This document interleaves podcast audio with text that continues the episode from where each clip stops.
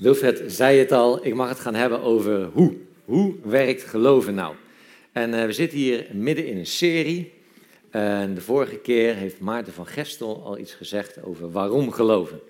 En uh, dat was een hele, hele goede preek.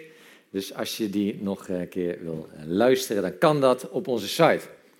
Uh, Stadskerknog40.nl, dan kan je die preek nog een keer luisteren. Waarom nou geloven? En op de site heb je ook al een, preview kunnen zien over waar ik het uh, vanochtend over wil hebben. Dus als je je afvroeg wie is nou die man met die enorme wallen onder zijn ogen, dat was ik. Ik was niet helemaal fit, goed ziek geweest zelfs. Maar ik ben fit en ik heb er zin in vanochtend.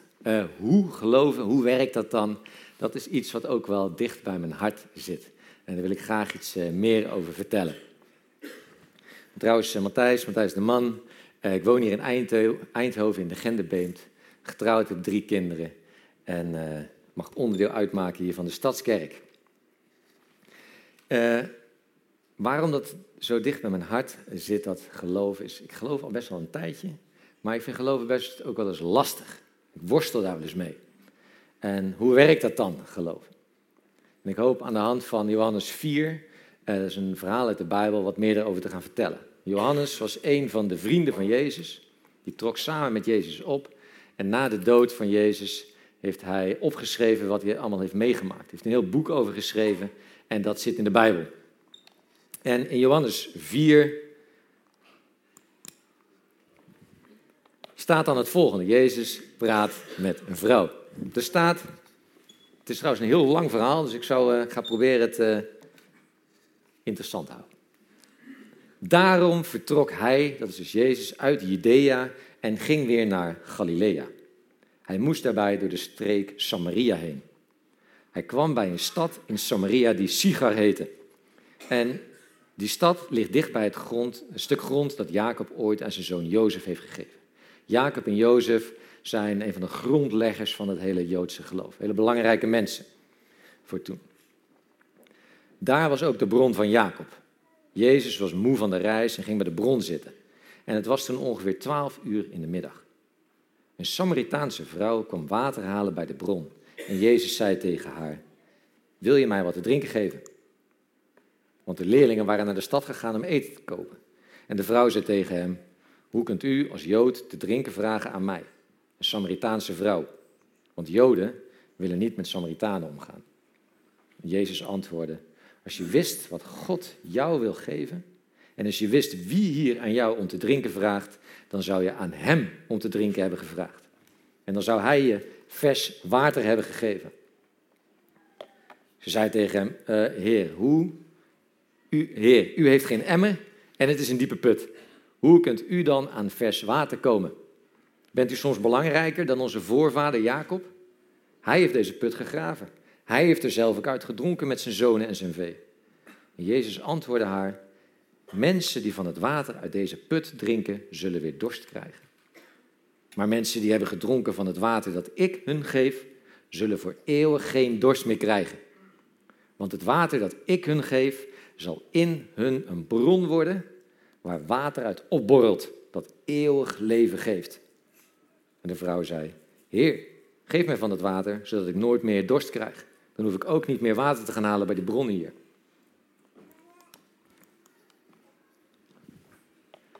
We zijn er natuurlijk niet bij geweest, maar als ik dit zo lees, dan voelt dat als een heel ongemakkelijk gesprek. Jezus probeert een gesprek op gang te krijgen en die vrouw die kaatst dat elke keer weer af. Daarom is het denk ik goed om heel even een beetje de context te schetsen waarom dit zo'n ongemakkelijk gesprek is. Het eerste is dat het in Samaria afspeelde. En dus een kaartje van Israël, je ziet hier de streek Samaria. En daar woonden de Samaritanen. Dat is een volk wat nog steeds bestaat. Dat is een volk wat nog steeds leeft. Er zijn er nog maar duizend van. Eh, duizend Samaritanen en die leven verdeeld over twee steden in Israël. En in het jaar 722 voor Christus, heel lang geleden, kwam er een groot volk. Dat viel Israël binnen en haalde alle Joden uit de provincie Samaria, die werden daar gedeporteerd. Die moesten ergens anders gaan wonen. En een ander volk werd verplicht om weer in Samaria te gaan wonen. En in de geschiedenis zie je dan dat dat volk zich vermengt met de Joden in het noorden. En er ontstaat een nieuw volk, de Samaritanen. Die heel veel van het Joodse geloof, de Joodse gebruiken aannamen. Uh, maar ook nog wat van vroeger hield, behielden. En de Joden keken enorm neer op de Samaritanen. Ze waren niet de pure Joden. Ze waren niet de echte Joden. Dus wat zag je? Dat heel veel gelovige Joden om, om Samaria heen liepen. Ze wilden er niet mee omgaan, niet mee praten. En daarom is die verbazing bij die, bij die vrouw ook zo. Waarom praat je met mij? Als ik ben een Samaritaanse. En het tweede is dat het hier gaat om een gesprek tussen een man en een vrouw. In een, in een cultuur als dat leven mannen en vrouwen veel meer gescheiden. Ik heb uh, samen met mijn vrouw en kinderen hebben wij ook vier jaar in het Midden-Oosten gewoond. Woonden we in, uh, daar bij de Jordaan, waar de Jordan River staat, woonden we in Amman, in Jordanië. En daar moest ik ook heel erg leren dat die, die mannen en vrouwen leven in haast gescheiden werelden. En het is helemaal niet netjes als je, als je gewoon een wildvreemde vrouw aanspreekt op straat. Het is vaak ook een teken van respect. Als ik iemand kende en, die dan, en was ik al man, eh, als mannen onder elkaar waren aan praten, was het een teken van respect dat ze Jessica gewoon helemaal negeerden. En als we dan later op bezoek gingen bij iemand en er was wat van relatie, en we waren op visite, dan werd het gedurende de tijd wel gebruikelijk dat ik ook met vrouwen en dochters praat. Maar die werelden zijn een beetje gescheiden. Dus vandaar ook die verbazing. Waarom praat je met mij, ik als Samaritaanse vrouw? En het derde, wat hier opvallend aan is, is het tijdstip van de dag. Dus een vrouw gaat om 12 uur smiddags water halen. En vrouwen zijn vaak gezamenlijk in een groep. En wat deze dan, gingen ze ochtends vroeg, als het nog fris is, nog koud is, gaan ze water halen waar ze dan de rest van de dag mee kunnen doen. En niet op het heetst van de dag om 12 uur met water gaan sjouwen. Deze vrouw wilde kennelijk alleen zijn. Komen we later ook nog op terug. Maar ze wilde alleen zijn. Dus vandaar die ongemakkelijkheid. Een vrouw die liever alleen wil zijn, die Samaritaans is, en dan een wildvreemde man die haar in één keer aanspreekt. En dan begint Jezus ook te praten over, uh, over dorst hebben. En dat je daar geen vervulling in vindt. Dat je elke keer weer dorst krijgt. En dat is misschien in Nederland niet zo'n heel goed voorbeeld. Eh, het stikt de moord van de water bij ons en heel erg warm wordt het hier ook niet. Maar als wij gingen wandelen in de woestijn, we echt een hele dag door de woestijn gingen lopen, dan was je heel voorzichtig met je water. En als je dan uren in de hitte had rondgebanjeerd, dan, oh, dan, dan komt die droogte in je mond. Hè? En dan kan water ook het heerlijkste zijn wat er is. En dan heb je gedronken en na een uurtje wandelen, dan, dan ben je eigenlijk alweer vergeten dat, dat het water zo lekker was. En dan krijg je opnieuw weer dorst. En dat is denk ik wat Jezus hier bedoelt. Uh, maar in onze maatschappij, als ik kijk naar mijn eigen leven, zijn het heel andere dingen waar ik me druk over maak. Waar ik mijn best voor doe. Ik ben veel bezig met mijn werk. Waar ik elke keer allerlei doelstellingen heb en die probeer te halen. Uh, ik ben druk bezig met mijn gezin, waar ik allerlei leuke dingetjes mee wil doen. Een date met mijn vrouw, uh, vakanties. Maar dat zijn ook vaak dingen die uh, wel leuk zijn, maar geen vervulling geven. Ik betrap me er vaak op dat als ik dan ergens, ik heb heel erg toegewerkt naar vakantie, dan ben ik op vakantie en dan, waar zijn we over aan het praten van, ja, waar gaan we de volgende keer heen? Nou, als je het eenmaal hebt, dan, ja, dan heb je het, dan, dan wil je misschien iets nieuws. Op mijn werk doe ik hartstikke hard mijn best voor allerlei doelstellingen. En dan, ja, dan op een gegeven moment heb ik het gehaald. En dan, ja, dan heb ik eigenlijk weer nieuwe dingen nodig. Het geeft geen vervulling. De reis ergens naartoe is nog wel leuk, maar als je het eenmaal hebt, dan, dan wil je weer iets nieuws. En dat is waar Jezus hier aan refereert. Dat het elke keer weer terugkomt. Dat we geen vervulling vinden. We gaan even terug naar het uh, hele ongemakkelijke gesprek. Want het gaat verder, dat verhaal. Hij zei tegen haar: Ga naar huis. Haal je man en kom met hem weer hier. Die vrouw antwoordde: Ik heb geen man. En Jezus zei tegen haar: Het klopt dat je zegt dat je geen man hebt. Want je hebt vijf mannen gehad en met de man met wie je nu leeft ben je niet getrouwd. Je hebt dus de waarheid gezegd. Dat ongemakkelijke gesprek en Jezus gaat nog een keer verder. Hij gaat nog een keer dieper. Hij breekt het gesprek over, over, over op iets heel persoonlijks. Er staat, hè, je hebt vijf mannen gehad. Toen ik dit uh, voor het eerst las, dacht ik, nou, die, die vrouw die lust er wel pap van. Hm? Die, houdt, die van een feestje. Vijf keer getrouwd. Uh, en nu dan met iemand die, waar ze niet mee getrouwd is. En dan zou Jezus misschien nu wel eens gaan uitleggen dat dat niet helemaal de bedoeling is. Maar dat doet Jezus niet. En dat is ook logisch als je ook dit een beetje in de cultuur plaatst. Maarten Vergesser zei het de vorige keer al in zijn preek dat uh, de getuigenis van een vrouw in die tijd eigenlijk niets waard was. En zo zag je dat in die cultuur, dat is heel erg, maar zo was het vroeger wel, of is het in sommige culturen nog steeds, dat de vrouw eigenlijk weinig rechten heeft. Er zijn heel veel mannen die houden zielsveel van een vrouw en van hun dochters, maar in de kern heeft de vrouw geen rechten. En de vrouw heeft niet het recht om te scheiden van haar man. Een man kan wel scheiden van zijn vrouw. Zo zie je dat hier, wat hier waarschijnlijk gebeurd is, is hè, die, die vrouw is getrouwd geweest en wordt weggestuurd door haar man. Ze wordt verlaten. En dan kom je als vrouw in een hele vervelende situatie terecht. Want je hebt, je hebt niet geleerd, je hebt geen mogelijkheid om te werken. En vaak kan je ook niet terug naar je, het gezin waar je vandaan kwam. Er zijn heel vaak de broers die hun eigen zussen ervan weerhouden om niet terug te gaan naar dat gezin. Om zo de eer van de familie te beschermen. Dus die vrouwen komen in een hele kwetsbare situatie terecht. En ik denk dat je zelf wel een beetje kan fantaseren in wat voor beroepen ze terechtkomen om toch nog wat geld te kunnen verdienen.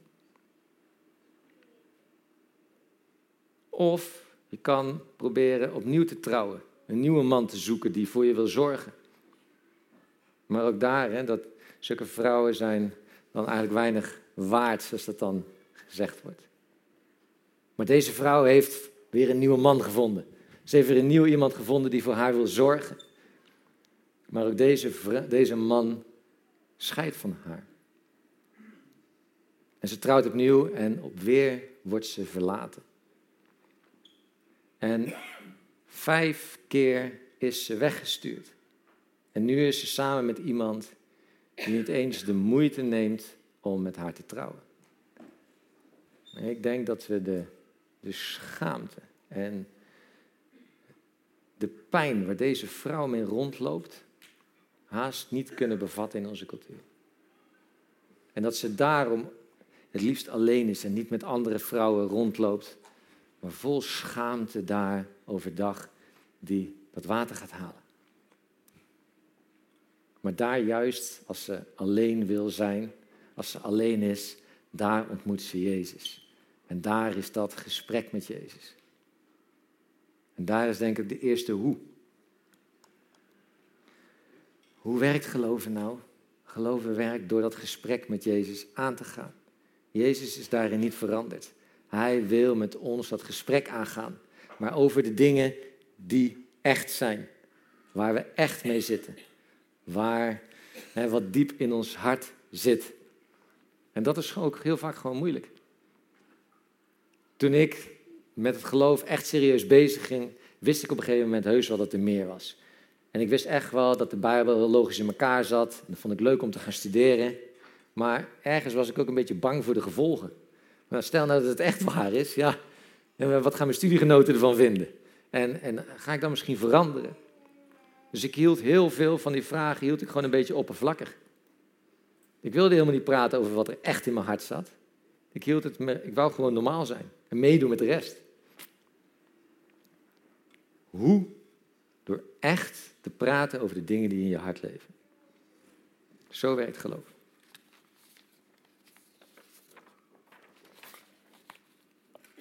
We lezen verder. Toen zei die vrouw: Heer, ik zie dat u een profeet bent. Onze voorouders hebben hier op de berg God aanbeden. Maar de Joden zeggen dat je alleen maar in Jeruzalem mag aanbidden. Jezus zei: Geloof mij, vrouw, er komt een dag dat de mensen niet meer hier op de berg of in Jeruzalem de Vader zullen aanbidden. Nu is de tijd begonnen dat echte aanbidders de Vader zullen aanbidden met een geest en vol van waarheid. Want dat is het soort aanbidders waar de Vader naar verlangt. God is een geest. Als je Hem wil aanbidden, moet je Hem aanbidden met je geest en vol van waarheid. Dat is een iets lastiger stukje, maar ze opent haar hart een beetje. Ze denkt, nou, deze man weet iets van mij zonder dat ik het hem verteld heb. Dit is misschien wel een profeet. En de eerste hoe is, hoe moet dat dan? Moet ik dan daar zijn? Moet ik het zo doen? En dat is dat we, wat we heel vaak ook een beetje zien gebeuren. Als mensen geïnteresseerd zijn in het geloof, is de eerste wat ze vragen: oké, wat zijn dan de regeltjes? Hoe werkt dat dan? Welke stappen moet ik doen? Maar Jezus zegt, daar gaat het niet om. Het gaat erom dat je doet in geest en waarheid. Dat het een, iets is, een verlangen vanuit jezelf. God is geest. God is geest. En wij mogen met, ons, met onze geest proberen aansluiting te zoeken bij de geest van God. We hoeven niet te hameren op discipline. Dit zijn de regels, dit zijn de wetten. We hoeven ook niet al onze driften en emoties allemaal achteraan te rennen. Maar we mogen met onze geest aansluiting zoeken bij God. Hij wil ons helpen. En dan op zoek naar waarheid. Wat is waarheid? En ook dit is soms lastig in het geloof. Op zoek gaan naar wat is dan, wat die vragen die we hebben. Te gaan onderzoeken, erover gaan discussiëren, met mensen praten, met God erover praten, worstelen. Wat is waarheid? Ik denk dat deze vrouw ook best wel wat vragen had over haar leven. Moest ik vijf keer verlaten worden? Vijf keer? En daar zijn geen korte antwoorden op. In onze levens zijn heel vaak geen korte antwoorden op wat is nou de waarheid. Daar moet je zelf met God, met Jezus mee worstelen. En juist door die strijd, door, die, door het onderzoek, wordt het wel echt. Wordt het puur, wordt het iets van jou. En is het ook bestand tegen een stootje. Dus in geest en waarheid. Hoe werkt geloven? Door met Jezus te praten over echte dingen, wat er echt in ons hart speelt, en in geest en waarheid. En dan lezen we verder. De vrouw zei tegen hem: Ik weet dat op een dag de Messias komt, de redder komt. Als hij er eenmaal is, zal hij bij ons vertellen, alles vertellen en uitleggen. Jezus antwoordde: Ik ben dat. Ik die nu met je praat. In de Bijbel lezen we dat in de hele geschiedenis eigenlijk mensen al uitkijken naar die redder. En ik heb daar de vorige keer al iets over mogen zeggen, over waarom Jezus. Dat Jezus naar de aarde kwam, zodat het weer mogelijk was dat wij mensen vrij met God kunnen praten. Vrij bij God kunnen zijn. En Jezus zegt hier, ik ben die redder. En hij gebruikt de woorden ik ben. En dat zijn hele zware, heftige woorden die hij hier gebruikt. In de Bijbel heel vaak vragen mensen: God, wat is uw naam? Wat is uw naam? En hij zegt dan: Ik ben. Ik ben. Jezus zegt hier eigenlijk: Ik ben God. Ik ben God en ik kom hier om jou te redden. Ik ben niet zoals die mannen die misbruik maken van jouw kwetsbare positie. Ik ben hier niet om voor jou te nemen, maar ik wil het je geven. Ik wil iets aan jou geven. Je hebt dorst en dat komt elke keer weer terug. Je hebt dorst en dat komt weer terug. Maar ik wil je water geven, zodat je nooit meer dorst krijgt. Ik wil iets geven waar je nooit meer dorst van krijgt. En hoe dan? De vorige had ik verteld dat Jezus uiteindelijk wordt gekruisigd. Jezus wordt gekruisigd. En dan staat er hè, dat, dat ze de stalen pinnen door zijn armen worden geslagen en stalen pinnen door zijn voeten, zodat hij tegen, moet vechten tegen de verstikkingsdood. hij hangt daar en hij moet zich opduwen, optrekken aan die pinnen om te kunnen ademen, om te kunnen praten. En terwijl Jezus daar hangt, degene die zei, ik ben. Hm, hij had met één woord had hij zich kunnen redden, de hemel kunnen opensplijten. Met één woord. Maar hij kiest ervoor om daar te hangen. En hij hangt aan die pinnen en leunt op die pinnen en hij duwt zichzelf op. Haalt adem en dan staat er wat hij zegt. Hij zegt, ik heb dorst. ik heb dorst. En dan zijn er mensen daar beneden bij het kruis, die, die maken dan een soort goedje van zure wijn en duwen het op een spons en geven dat aan Jezus. En hij spuugt het weer uit. Hij spuugt het weer uit. God, de Zoon van God, had dorst. Had dorst, zodat wij geen dorst meer hoeven te hebben. God had dorst, zodat wij geen dorst meer hoeven te hebben. Hij heeft ervoor betaald. Hij wil het aan jou en mij geven.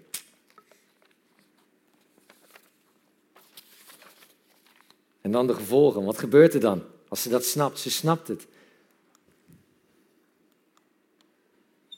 De vrouw liet haar waterkruik staan, ging naar de stad en zei tegen iedereen: Kom mee.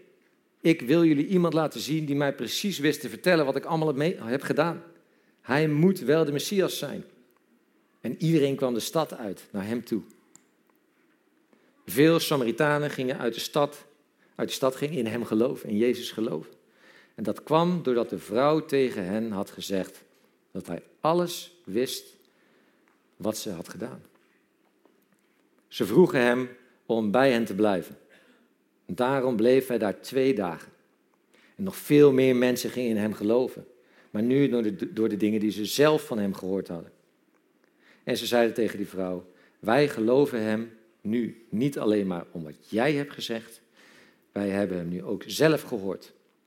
En we weten zeker dat hij de Messias is, de redder van de mensen. Deze vrouw, die zo gebukt onder schaamte alleen overdag in de brandende zon water ging halen, gaat nu helemaal vrij, los van wat mensen van haar vinden, gaat ze die stad in en gaat tegen iedereen vertellen dat er een redder is. En je ziet dat iedereen die hele stad loopt uit om Jezus te ontmoeten. Dat zijn de gevolgen. En dat is volgens mij het grootste getuigenis geweest. Dat die mensen dachten, is dat niet die ene vrouw die vijf keer getrouwd is? Geweldig om die verandering te zien.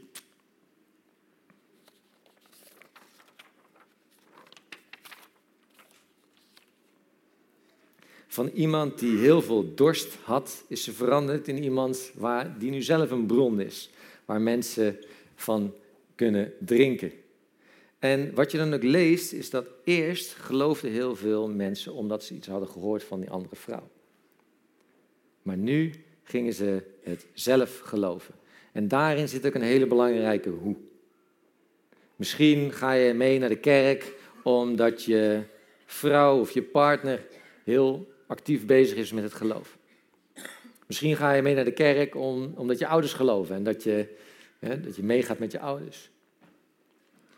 Of misschien zit je hier vandaag en eh, ben je meegekomen omdat er iemand wordt opgedragen.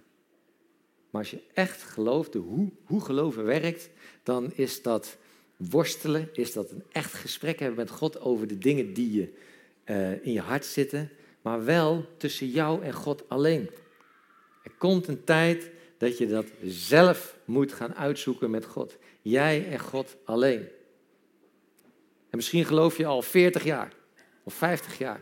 En ook dan dat blijven opzoeken, dat gesprek met God. Blijven worstelen in geest en in waarheid. En ik wil vragen of de band al naar voren komt. Uh, wat ik al zei, ik geloof al een tijdje en ik geniet van mijn leven. Het gaat hartstikke goed op het werk. Ik haal die doelen allemaal. Uh, ik heb een heel leuk gezin. Ik heb een, een veel te mooie vrouw. En, en toch zijn die dingen die echt vervulling geven, zijn die momenten dat ik God heb mogen ervaren. Dat ik echt iets van God heb geproefd. Dat is wat vervulling geeft.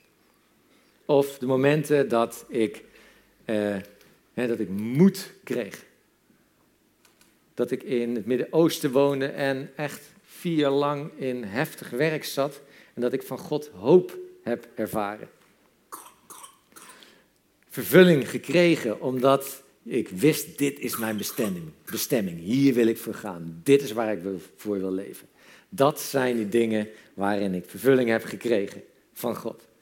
En dat is wat ik hoop met de hoe. Dat u met mij hier dat ga uitzoeken. Zoeken naar vervulling. Hoe werkt dat dan, geloof? Worstel daarmee. Stel de juiste vragen. Stel de echte vragen. Laat eruit komen wat erin zit. Discussieer ermee. Onderzoek. Schreeuw het uit soms. Word boos. Huil. Maar geniet ook. Wees dankbaar voor wat je krijgt van God. En ontmoet God. Ontmoet Jezus. En als je dat met ons mee wil beleven, wil ik vragen of je gaat staan en dit lied meezingt. Lied meezingt en zegt: God, ik wil u ontmoeten. Of ik nou helemaal aan het begin sta of al 40 jaar bezig ben. Maar ik wil u echt puur, vol met wie ik ben.